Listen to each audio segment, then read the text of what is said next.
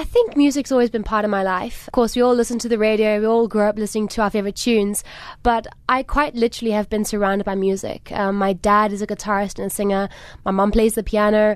Um, my sister is actually at Montecasino doing Evita right now. She's the mistress. Oh. Um, so, musical family, right? and it just pretty much started from, from there, singing with my parents, singing in church.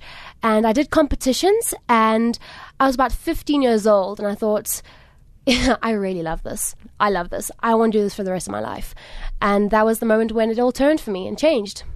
And is this something that you're doing per- permanently, professionally? Yes, yeah, yeah. Um, it's my full time job. full time working on music, always writing, um, researching. I love meeting people, talking to people, gaining advice, uh, knowledge, equipping myself. You know, so I take, I do take it seriously. Yeah. So, Yeah. uh, where did you grow up? I'm actually from Durban. Um, yeah, I sport the Sharks. Sorry, guys. but I moved to Joburg when I was three, so I've grown up here in Joburg. The type of lyrics, the type of stories you want to tell with your music. What is it about? Well, I, I just try to be honest. I, I can only speak from experience, what I've learned. Uh, like I said, just gaining what, whatever I've heard from people. I like to take that, take that on in my music. Um, so for my latest track, um, it's called Like You Do. Uh, I actually wrote it just coming from a very special place.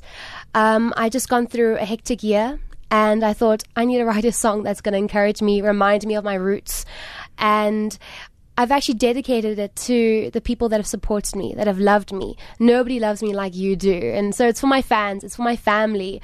Um, so that's where the music comes from. Uh, you're talking about your latest track and your previous tracks and the one that we, the ones that that's coming. Is it similar? Is it heartfelt stuff? Is it more pop or how would you explain it? I think I, I'm definitely a pop girl. I love my pop music. Um, the thing about the term pop is that it's it's popular, the the popular culture, you know, whatever whatever works for the culture. But uh, I.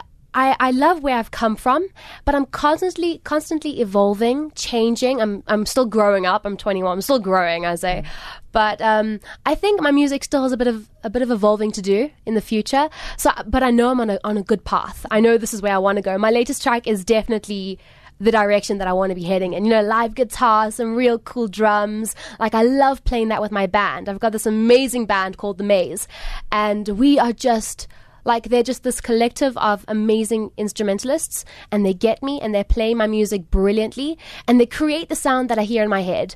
I say to my guitarist Kiki, play this me, play this me. She gets it. Yeah, yeah, do this. Daniel, drummer, do this. Everybody just gets it. And that's the direction that I want to be moving in. It's it's so much fun. It's so awesome. That's special if you have artists that, that get you and that, mm. that understand your sound. Do you play any instruments I do. I play the guitar and the keyboard, piano. on your on your tracks itself as well? Uh, not on not on this track actually. Um, but uh, on previous tracks, I have actually played guitar, and in my gigs, I always pick up the guitar and the piano. I just love that. Yeah, I didn't study after school. Um, at 18, I actually got signed to a record label, David Gresham Records. We've just recently parted ways. Um, so I was signed when I was 18, so there's no need to study essentially. But yes, I did have formal training when I was um, uh, growing up. Essentially, I I was trained by a lady called Desi van der Walt, and she was just she takes care of my of my heart. She always says, "Guard your heart," and I love her to bits. So shout out to Desi. Then I was also trained by June Krause, and she is actually an opera singer. So I did classical training, and that was that was that was quite fun. I really I love I absolutely love doing that. Um, and uh, I, I, I sort of gained experience along the way. I did People's Theatre in Joburg, uh, so that was just learning to work with kids on a stage, uh, working with with other actors and acting as well. Um, headphones in weird places and microphones and, and dresses and everything. So I, that was my training essentially. Growing up in the industry, that's been my training. Your surname is Snyman. Yeah, it is. Yes, yeah. Even though we're speaking English, how does that work? Are my my dad is Afrikaans, Yeah. and my mummy is my mum's English, and so we've just grown up uh, speaking uh, speaking English in the house in the home. Ek is baie baie teleurgesteld. no, I'm only joking. No, I just I just had to ask that because I saw the so surname is good. Snyman and I Oh, thought no. that's cool. That's so cool. yeah, no, I and the reason why um I've gone by the I go by the name Alexandra May is uh, May is my second name. Maynard, like the sweet. Oh. It's also mom's second name, and uh, my great grandmother was Madeline May, and May's just been in the, in the family. So I thought, you know what, if I get married, I can still keep my my surname's special and it's part of my heritage. But I wanted to establish a name that I could work in the biz that would work in the business side. So Alexandra May is a is a special name for me because it comes from the other side of my family. You know.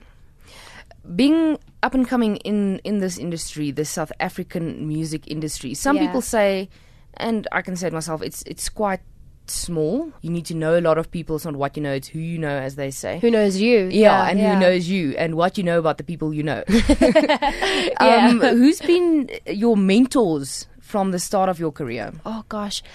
The the great thing is I actually have I have I have a few mentors. Uh, my first mentor was a lady called Alice Shy Gillum. And uh, she's this wonderful, beautiful woman who just encouraged me. From I was about fourteen when I met her, and uh, she sort of set me on the track that I am on now. Uh, and still, we still have meetings regularly. We still talk. She still worries about me and my heart, and you know, similar to Desi as well. Uh, so she's one of them. And actually, before her was a guy called Adrian Ziller, who's who's kind of the opposite of me. He's this he's this rocker dude, super cool. It plays every instrument, and he he got me writing. He got me writing about really cool stuff and playing my instruments and understanding songwriting. I loved it. He was awesome. And uh, once I um, now this year I I left uh, left David Gresham Records, and I started working with a guy called Greg Carlin, who I've also known since I was about 14 years old, 15 years old. And when I was releasing the contract, he's like, hey, why don't we just do something together? And so we did uh, Like You Do together. And he was also a great person to be with because it was part of a transition. And he encouraged me in a really good way. We just sat in the studio at home. We just jammed. We had so much fun. And uh, we still also, we chat regularly. He is just su- such a cool guy. So he's also been part of that journey with me. Is there any plans for an album? Ah, yes, they are. There are plans. There definitely are plans, and I'm working toward that. But I, I don't want to say a date just yet because I just want to. Writing this last, this latest song has been such a cool space and journey, and I just want to enjoy that again. I want to do it again and again and again, and get each song that I put out there right, exactly what I want, and getting closer to that at least. So the album will come. Uh, it will just come after, after I've got a few songs out there.